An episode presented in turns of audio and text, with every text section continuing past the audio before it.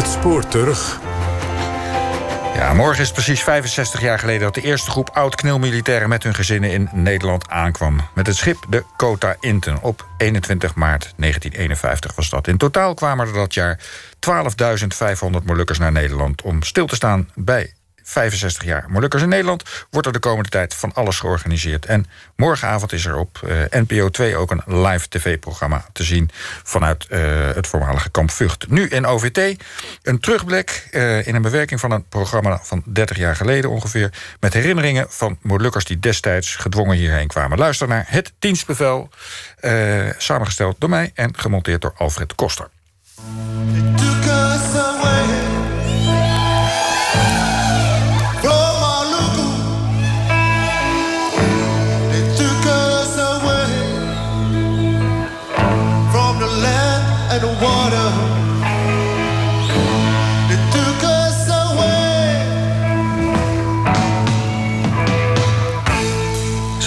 Ons weg van de Molukken, zingen de Ghetto Fighters in de jaren 80 van de vorige eeuw. Een bandje van in Nederland geboren jongens die het verlangen naar Ambon van hun ouders nog delen. En ze zingen over het onrecht dat die ouders is aangedaan na de Indonesische onafhankelijkheid. De aanvaarding van haar soevereiniteit door de jonge staat, de Republiek der Verenigde Staten van Indonesië, is één van de meest aangrijpende en ingrijpende gebeurtenissen van deze tijd. Ingrijpend was het zeker. Met name voor de 50.000 inheemse militairen van het KNIL, het Koninklijk Nederlands-Indisch Leger. Want een van de afspraken gemaakt bij die soevereiniteitsoverdracht op 27 december 1949 was dat dat KNIL binnen een half jaar moest worden opgeheven. Voor hen betekende dat de keus tussen overstappen naar het Indonesische leger, het APRIS, of ontslag en afzwaaien ergens in Indonesië. Veruit de meesten kiezen voor overstappen. Maar voor een kleine groep van 4000 Molukse militairen ligt die keus gevoelig. En de spanning onder hen is groot. Zo vertelt Guus Sivaletti. We leefden ontzettend in spanning. En uh, we konden moeilijk uh, verkroppen dat wij ter plaatse zouden worden ontslagen. En uh, ik, de gevolgen waren niet te overzien wanneer dat inderdaad had plaatsgegrepen. Want we waren gewapend. Wat was er dan gebeurd? Nou, uh, ik durf me hierover niet, niet uit te laten. Maar uh, er was in, de, de, de, gevolgen waren in ieder geval rampzalig. Want dat was erop of eronder. Dat was gevochten? Nou, dat was, dat was zeker tot gevolg geweest. Want er was een opstand geweest van het knul op Celebes in Makassar. Toen viel er naar schatting voorzichtige uh, geschat 9000 doden in, in, in, in, drie actiedagen. En uh, dat was gewoon, dacht ik, een, een blanke vrouw die uh, geweigerd werd door een fietstaxier om vervoerd te worden. En dat was mogelijk een van de oorzaken waarom het kneel toen hard optrad tegen de Indonesische bevolking en het Indonesische leger. Dat waren warme dagen voor, voor, ons op Java, hoor. Want uh, we waren bang dat het ook oversloeg naar Java. Hè? Die haat tegenover de Indonesiërs. Maar gelukkig was dat niet het geval. Vlak na de opstand op Makassar volgt op 25 april 1950 een opstand op Ambon tegen het centraal gezag in Jakarta. En wordt de Republiek der Zuid-Molukken uitgeroepen, de RMS. Vanaf dat moment is volgens Bendoni Patinaserani de keus voor de Molukse knilmilitairen niet moeilijk meer. Toen ik op uh, Borneo zat, toen hadden we gehoord dat Ambon uh, geprogrammeerd had. Ja, dus voor de Vrije Molukken. Ja. En toen waren, willen we daar naartoe gaan. Zie je, we willen daar naartoe gaan voor uh, als we ontslagen worden. En niet anders. Hm. En makkelijk. Maar dat was toch wel een beetje te begrijpen dat Indonesië niet wou dat u naar Ambon ging? Ja, dat begrijp ik het toch. Ja. Maar we zijn Molukkers. Ja. We vaarten voor ons eigen land. We hebben toen de tijd al gevochten voor de drie keur, de Nederlandse land. Ja. En nu had ons maar willen we terug. De keuze voor afzwaaien op Ambon wordt door de Indonesiërs tegengehouden. Begrijpelijk dat Jakarta geen 4000 goed getrainde militairen naar het opstandige eiland wil laten vertrekken. Voor de Molukse knellers blijft de keus tussen overgang naar het Apris of afzwaaien op Java. Volgens Peter Soemokiel een keus tussen twee kwaden. Voor de Molukkers was geen keus meer. Maar uh, je kan zeggen uh, dat Nederland uh, deze ex-soldaten proberen te gooien naar een leeuwenkuil. Ja? ja? Zo, zo stellen wij dat. Waarom? Waarom? 5000 gulden overgaan afvloeiing, dan ben je een burger. Ja. Maar diezelfde burger was een vijand geweest van Indonesië. Ja. Dat wil zeggen dus, wanneer je straks als Indonesische burger zou functioneren, dat je het leven van jou op een hele groot risico loopt. Dat is één. Ja. Tweede, als je over zou gaan als Indonesische soldaat, Ja. dan moeten we nuchter gaan beredeneren en bekijken hoe kan je als een vijand van gisteren Ja. vandaag opgenomen in het leger van Sukarno. Dan komt je, als mens bezien, krijg je nooit iets moois van.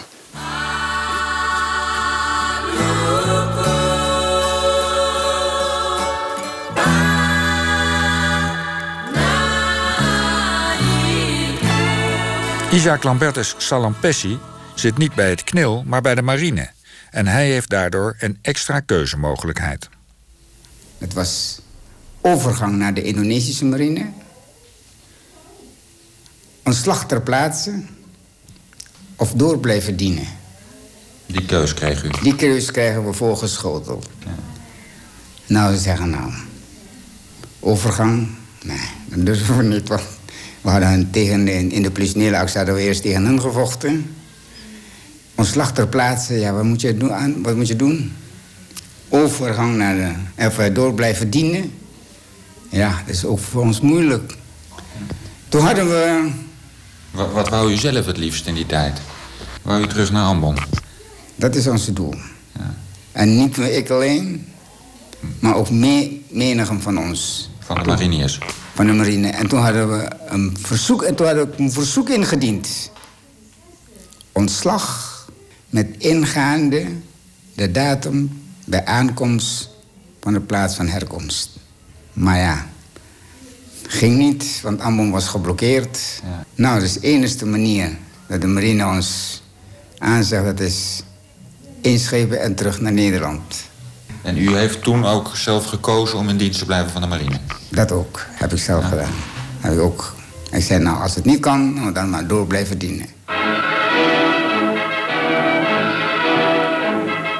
In zijn ambtswoning in Jakarta ontvangt de Nederlandse hoge commissaris de heer Hirschveld de minister-president van Indonesië Mohammed Hatta. Het is de dag waarop het Koninklijk Nederlands-Indonesisch leger ophoudt te bestaan. Verder zijn aanwezig Haji Agus Salim en vele andere vooraanstaande gasten. Voorts een deputatie van het KNIL. De aanwezigen worden toegesproken door de legercommandant generaal Buurman van Vreden. Excellenties, generaals, dames en heren. Straks zult u het opheffingsbesluit horen voorlezen... waarmee een einde wordt gemaakt aan het bestaan van het KNIL.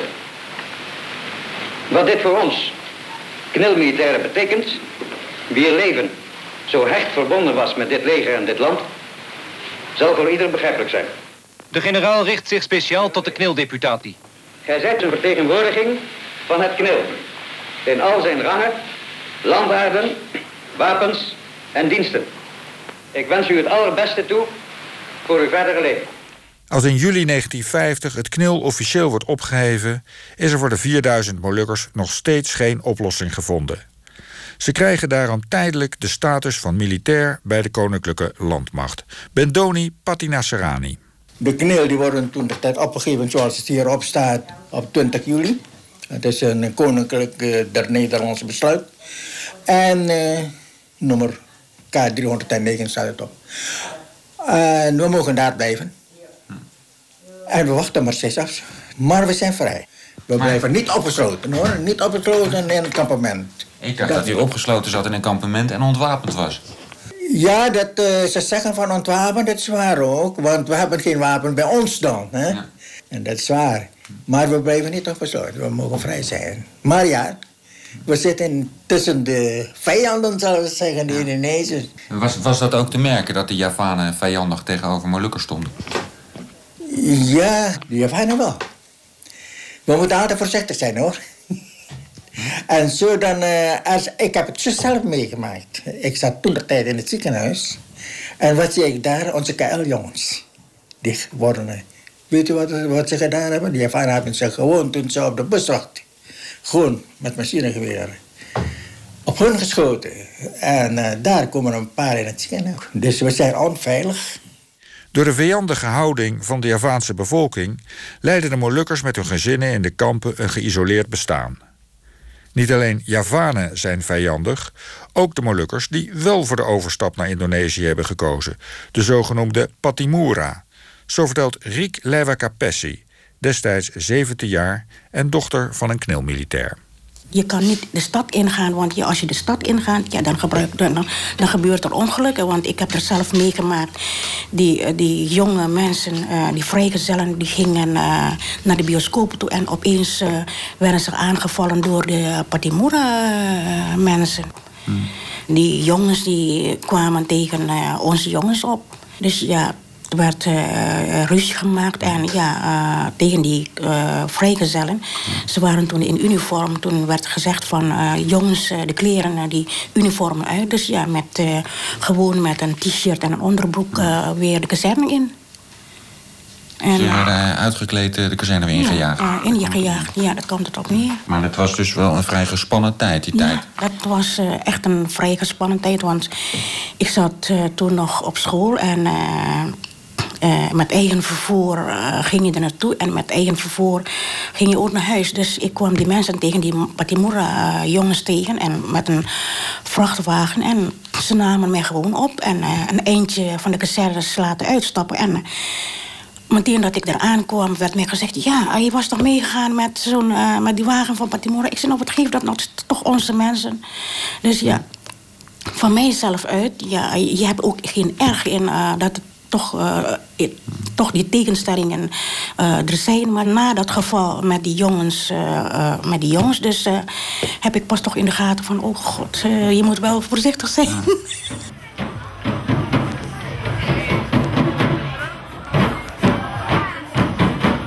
Intussen wordt de dreiging van militair ingrijpen op Ampon... door de regering in Jakarta steeds groter. En dat leidt weer tot spanning onder de Molukkers die op Java en hun kampementen nog steeds op een oplossing wachten. Peter Soemokil. De reactie was zeer scherp. De reactie was op dat moment om een aanval te verrichten op Java. Opstand? Opstand. Er is sprake zelf van een totale opstand op Java, Malang, Surabaya, Batavia, kortom van alles. Ja. Om daar Sukarno te laten zien van uh, tot zover kan je gaan met Ambon. Maar voor de rest moet je stoppen. Uh -huh. Het was niet doorgegaan omdat men weer gehoord hadden dat de UNZI... dat is een internationaal vertegenwoordiger van de Veiligheidsraad... Ja. verder de zaak uh, zou gaan uh, bepraten met de Indonesische staat. Dus toen werd gezegd, laten wij maar beter rusten dat op internationaal niveau gaan beginnen. We hadden in die periode uh, te korte kijk op internationaal niveau. Echt. Ja. En anders zou Surabaya al plat wezen. Want op dat moment, Indonesië kan wel sterk wezen. Maar Indonesië is nog niet goed georganiseerd. Op militair gebied. Terwijl de knillers wel.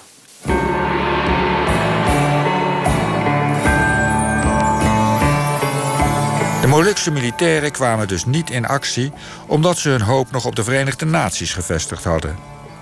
In Den Haag kon men weinig anders doen. Maar ook de UNZI-onderhandelaars van de VN stonden machteloos tegenover de regering in Jakarta. Zo herinnerde oud-premier Drees zich achteraf. We hebben ons gewend tot de UNZI. Tekenend is weer de wijze waarop de Indonesische regering daartegenover heeft gehandeld. De UNSI bood op 4 augustus haar goede diensten aan voor het bevorderen van een vreedzame oplossing. Pas 23 september kwam het antwoord. De Indonesische regering verklaarde zich bereid gebruik te maken van het advies der commissie, zover dat mogelijk was, zonder de status van de regering aan te tasten. Op dat ogenblik waren in werkelijkheid juist de voorbereidingen voor de aanval op Ambon voltooid. Op 25 september, dus al na twee dagen, wilde de commissie naar Ambon gaan. Toen werd haar rechter geantwoord dat haar bemoeiingen geen nut meer konden hebben en slechte opstandelingen zouden aanmoedigen. Er is in de Verenigde Naties nooit een reële kans geweest om iets voor de Zuid-Molukken te bereiken.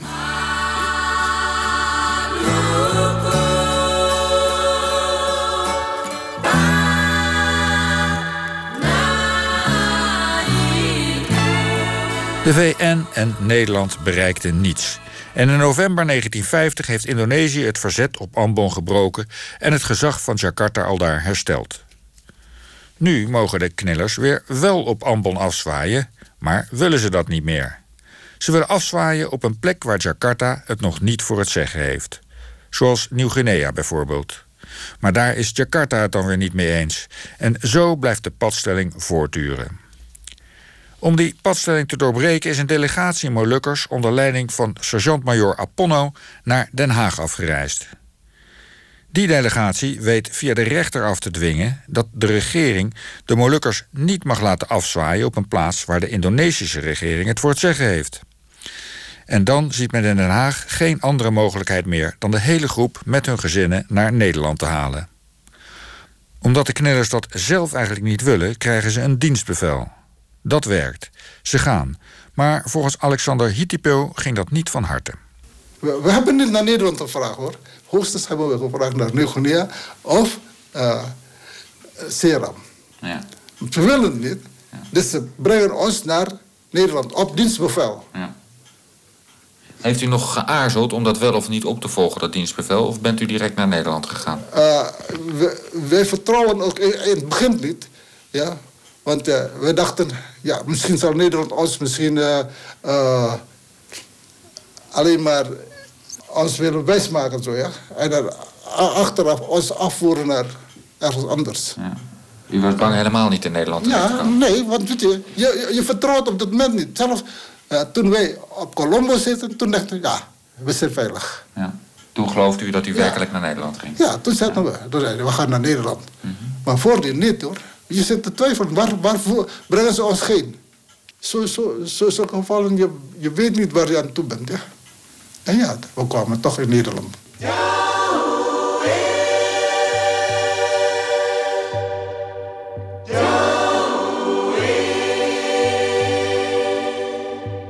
Ook Peter Soemelkil scheept zich in naar Nederland. Maar net als de meeste Molukkers heeft hij veel aarzelingen. Uh, de eerste schip die vertrekt van Surabaya, dat is schip Kotinten. Kotinten. Ja. De manier van vertrekken, dat kan ik u heel mooi vertellen. Iedereen heeft vertwijfeld. Ja. Hè, maar men zegt van de keuze is al gemaakt. De delegatie die toen naar Nederland was gegaan, die had die keuze bepaald. Dus laten wij gewoon. Aponno. Uh... Uh, ja, delegatie Aponno. Hè? Ja.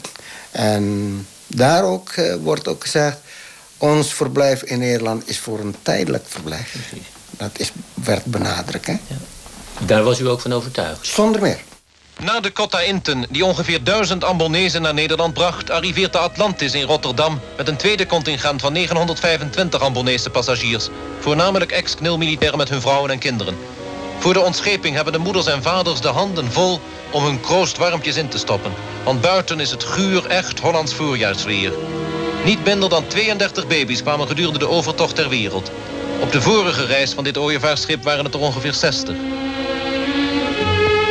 Bij de ontscheping bleek dat de meeste vrouwen, daartoe vermoedelijk wel gedreven door vrouwelijke ijdelheid, de katoenen suirong en de baadjes prefereerden boven het warme trainingspak waarvoor onze regering in Port Said had gezorgd. De kleine kinderen verlieten het schip in de meest vreemdsoortige kleding. Boot na boot vertrekken de 4000 Molukse militairen met hun gezinnen naar Nederland. In totaal 12.500 personen. Guus Civaletti vertrekt halverwege mei. Zijn vrouw is hem dan al voorgegaan. Mijn vrouw scheepte zich in op 3 mei 1951. En ik scheepte in op 10 mei, dus een week later, met een andere boot. Ik mocht niet met mijn vrouw samen op reis. Waarom mocht dat niet? Omdat ik... Uh, uh, de taak had om eh, de administratieve verwikkelingen eh, van KNIL af te ronden. Samen met de, met de TNI, met de Republikeinse leger. Dus ik, ik droeg de zaak over administratief. Dat was het. Ja. Dus dat was de reden waarom ik niet met mijn vrouw mee mocht. Hoe was die toch naar Nederland? Ach ja, Eh, veel zeeziek. Maar ja, het is rustig en gezellig. Ach, we hebben eh, wat, eh, we, hebben, er, eh, we hebben een gezellige tocht van gemaakt. Ik, ik, ik was nooit een held geweest op zee. Veel marineman. zeeziek. Ik ben beslist geen marineman. maar ja, we waren tot behouden aangekomen in, in, in Rotterdam. En eh, als ik dat hele eh, proces eh, mag vertellen. Nou, we, we debarkeerden in Rotterdam op 15 juni 51. En werden meteen ver- vervoerd naar Amersfoort. Daar kregen wij een warme maaltijd. En daags daarop moesten wij naar kantoor om ons, ons ontslagbrief te tekenen. En, dat, en dat deed zeer. Ook voor Tom Tomasoa is het ontslag bij aankomst een onaangename verrassing. Ik waren op eh, 29 ochtend IJmuiden binnengevaren tot aan de kade. En tegen een uur of half zeven komt overste van Barsen, die herinner ik nog precies. En uh, sergeant-majoor Apono, de delegatie. Die kwam aan boord met de boodschap... jongens, vanaf vandaag zijn jullie burger. Jullie zijn aan het geven van jullie dienst. Op dat moment kan je een, eh, maar gewoon bij neerleggen. Je bent eenmaal in het vreemd, waar, waar, waar, moet je naartoe? Je hebt alleen maar te accepteren op het moment. Wil je er niet? Nou, de volgende schip weer terug misschien. Op dat moment is het allemaal een vraagteken. Doen we dat? Wat is de consequentie? Maar hoe was die sfeer aan boord op het moment dat zoiets verteld Ja, ja, Van, beetje. zeggen, ons erbij neer? Ja, natuurlijk wordt even... Opstand. Ja, nee, opstand is helemaal niet. Er wordt even gepraat waarom. Ja, opstandig is het wel, maar opstandig is het niet. Nee, nee. Opstandig zijn de mensen wel. Want dan vragen ze, waarom doet u dat? Zo vragen de, eh, de overste van Barso, waarom doet u dat? Ja, is op plaats van de regering. Ja, waarom dan? Wij willen hier niet ter plaatse gedemobiliseerd worden. Wij willen hier op Ambon. Dan moet u maar ons terug naar brengen naar Ambon. Ja, maar ja, dat is te kolder als je dat vraagt. Op dat moment dat is kolder als je dat vraagt. Dat weet je precies. Daar heb je alleen maar te accepteren. Nou ja goed, blijf maar in Nederland. Eén is de oplossing voor ons. Sommige van de ontslagen militairen proberen alsnog weer in het Nederlandse leger terug te komen. Het grootste probleem daarbij is, volgens Guus Civelletti, het feit dat ze officieel niet de Nederlandse, maar de Indonesische nationaliteit hebben. Toen ik hier in Nederland kwam, dat was het eerste wat ik deed, is naturalisatie aanvragen. Hè? Dat is het eerste wat ik deed. En ik had zelfs me opgegeven, vrijwillig opgegeven voor Korea. Als soldaat, dan mogen ze mijn, mijn rang zelfs wegnemen als soldaat.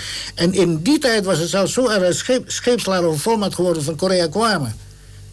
Ja, in, in, in, eh, in 51. Maar ik gaf me vrijwillig op met de bedoeling om na behouden terugkeer bij de Nederlandse strijdkrachten te blijven. Maar het werd mij steeds op grond van mijn nationaliteit, eh, Indonesische nationaliteit, werd het mij geweigerd. In de grote douanenoot, waar ze moesten wachten tot de bagage gecontroleerd was, groepten de mensen direct samen rondom de warme kachel.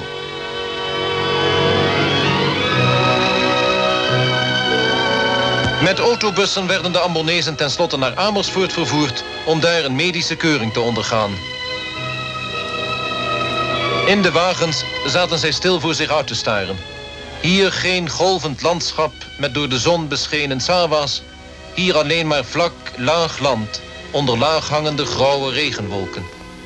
Al wilden ze liever naar Ambon gaan, voor veel van de Molukkers was het toch heel bijzonder dat ze naar Nederland gingen. Zo vertelt Peter Soemoekeel. Je had nooit gedroomd dat je ooit in Nederland terecht zou komen. Hè? Dat, dat moet je voorop kunnen stellen. Ja, ja, ja. ja.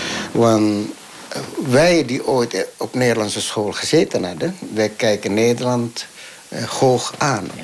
Dan wordt ingeprent. Mijn leraar was meneer De Haan. En dan vertelde De Haan van... eh, in Nederland eh, is voor ons ijs is goedkoop. Hè, want dan hoef je alleen maar een bekertje water buiten te zetten... en dan heb je ijs. Terwijl je daar op dan moet je ijs kopen.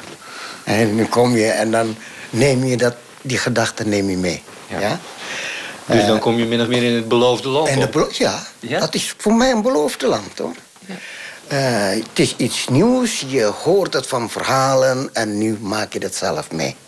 Want geen enkel Molukker had gedroomd dat hij ooit, te meer personen als soldaten, dat hij ooit zijn voet hier op Nederlands bodem zou zetten.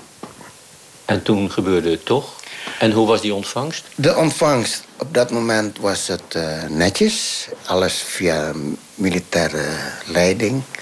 En we werden onderverdeeld in Amersfoort. En dan krijg je... Daar ging je eerst naartoe, naar het kamp Amersfoort. Amersfoort. Ja. En dan wordt je namen eh, geroepen.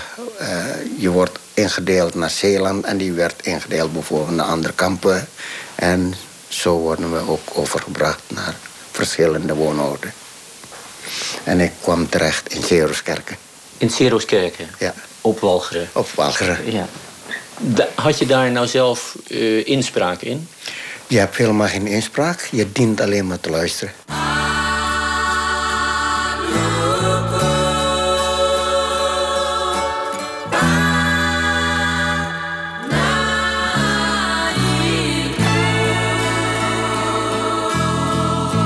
Hoe is uw ervaring met die kampen? Eh, dat is een heel mooie ervaring. Want de volgende dag brul ik als een volwassen jongen. Ja? Want toen krijg je drie gulden zakgeld. Drie gulden zak- Drie per- per, persoon in de week. Per week. Per week. Ik krijg een kwart boter per week. Een, kwart, een half pond? Ja. Ja. Die krijg je per week. Dan moet je in de week ermee doen. En een half brood per dag. En ik was 21 jaar. En u weet, een jongen van 21 die eet veel. En dan s'nachts begon ik al te brullen. Maar ik heb honger. Dan kan je nergens meer kloppen. Dat is met mij gebeurd. Dat was uw eerste Dat is kennismaking mijn eerste kennismaking in Nederland. Toen had ik een brief geschreven naar mijn oudste broer. Naar Indië toe. Ik zei, Ateng, ik ga hier kapot. Ik moet mijn kleren zelf wassen.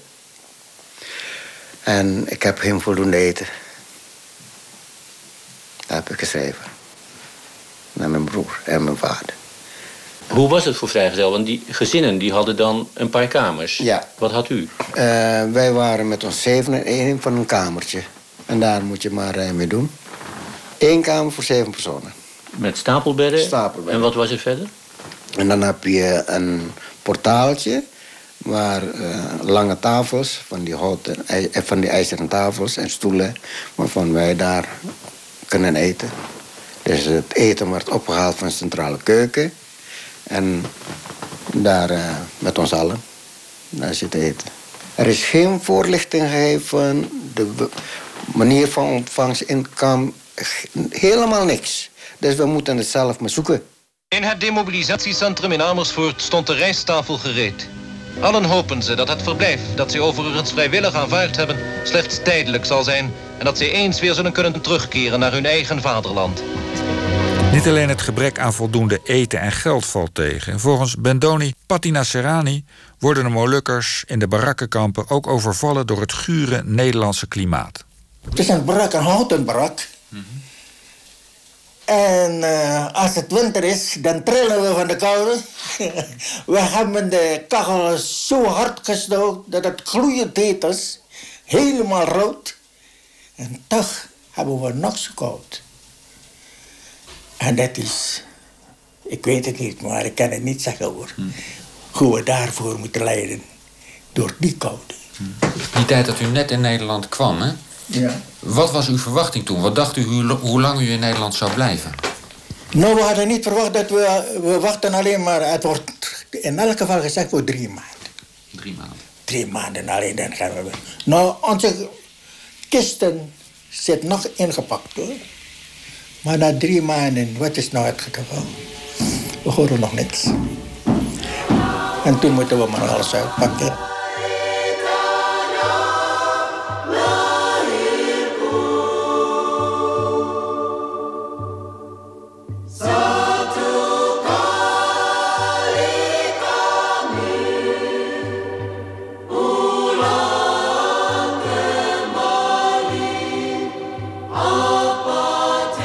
Dit was het dienstbevel. Een bewerking van een programma dat eerder werd uh, uitgezonden in uh, 1989... en destijds gemaakt door Paul van der Graag en Kees Slager. Meer informatie op onze site npogeschiedenis.nl slash ovt.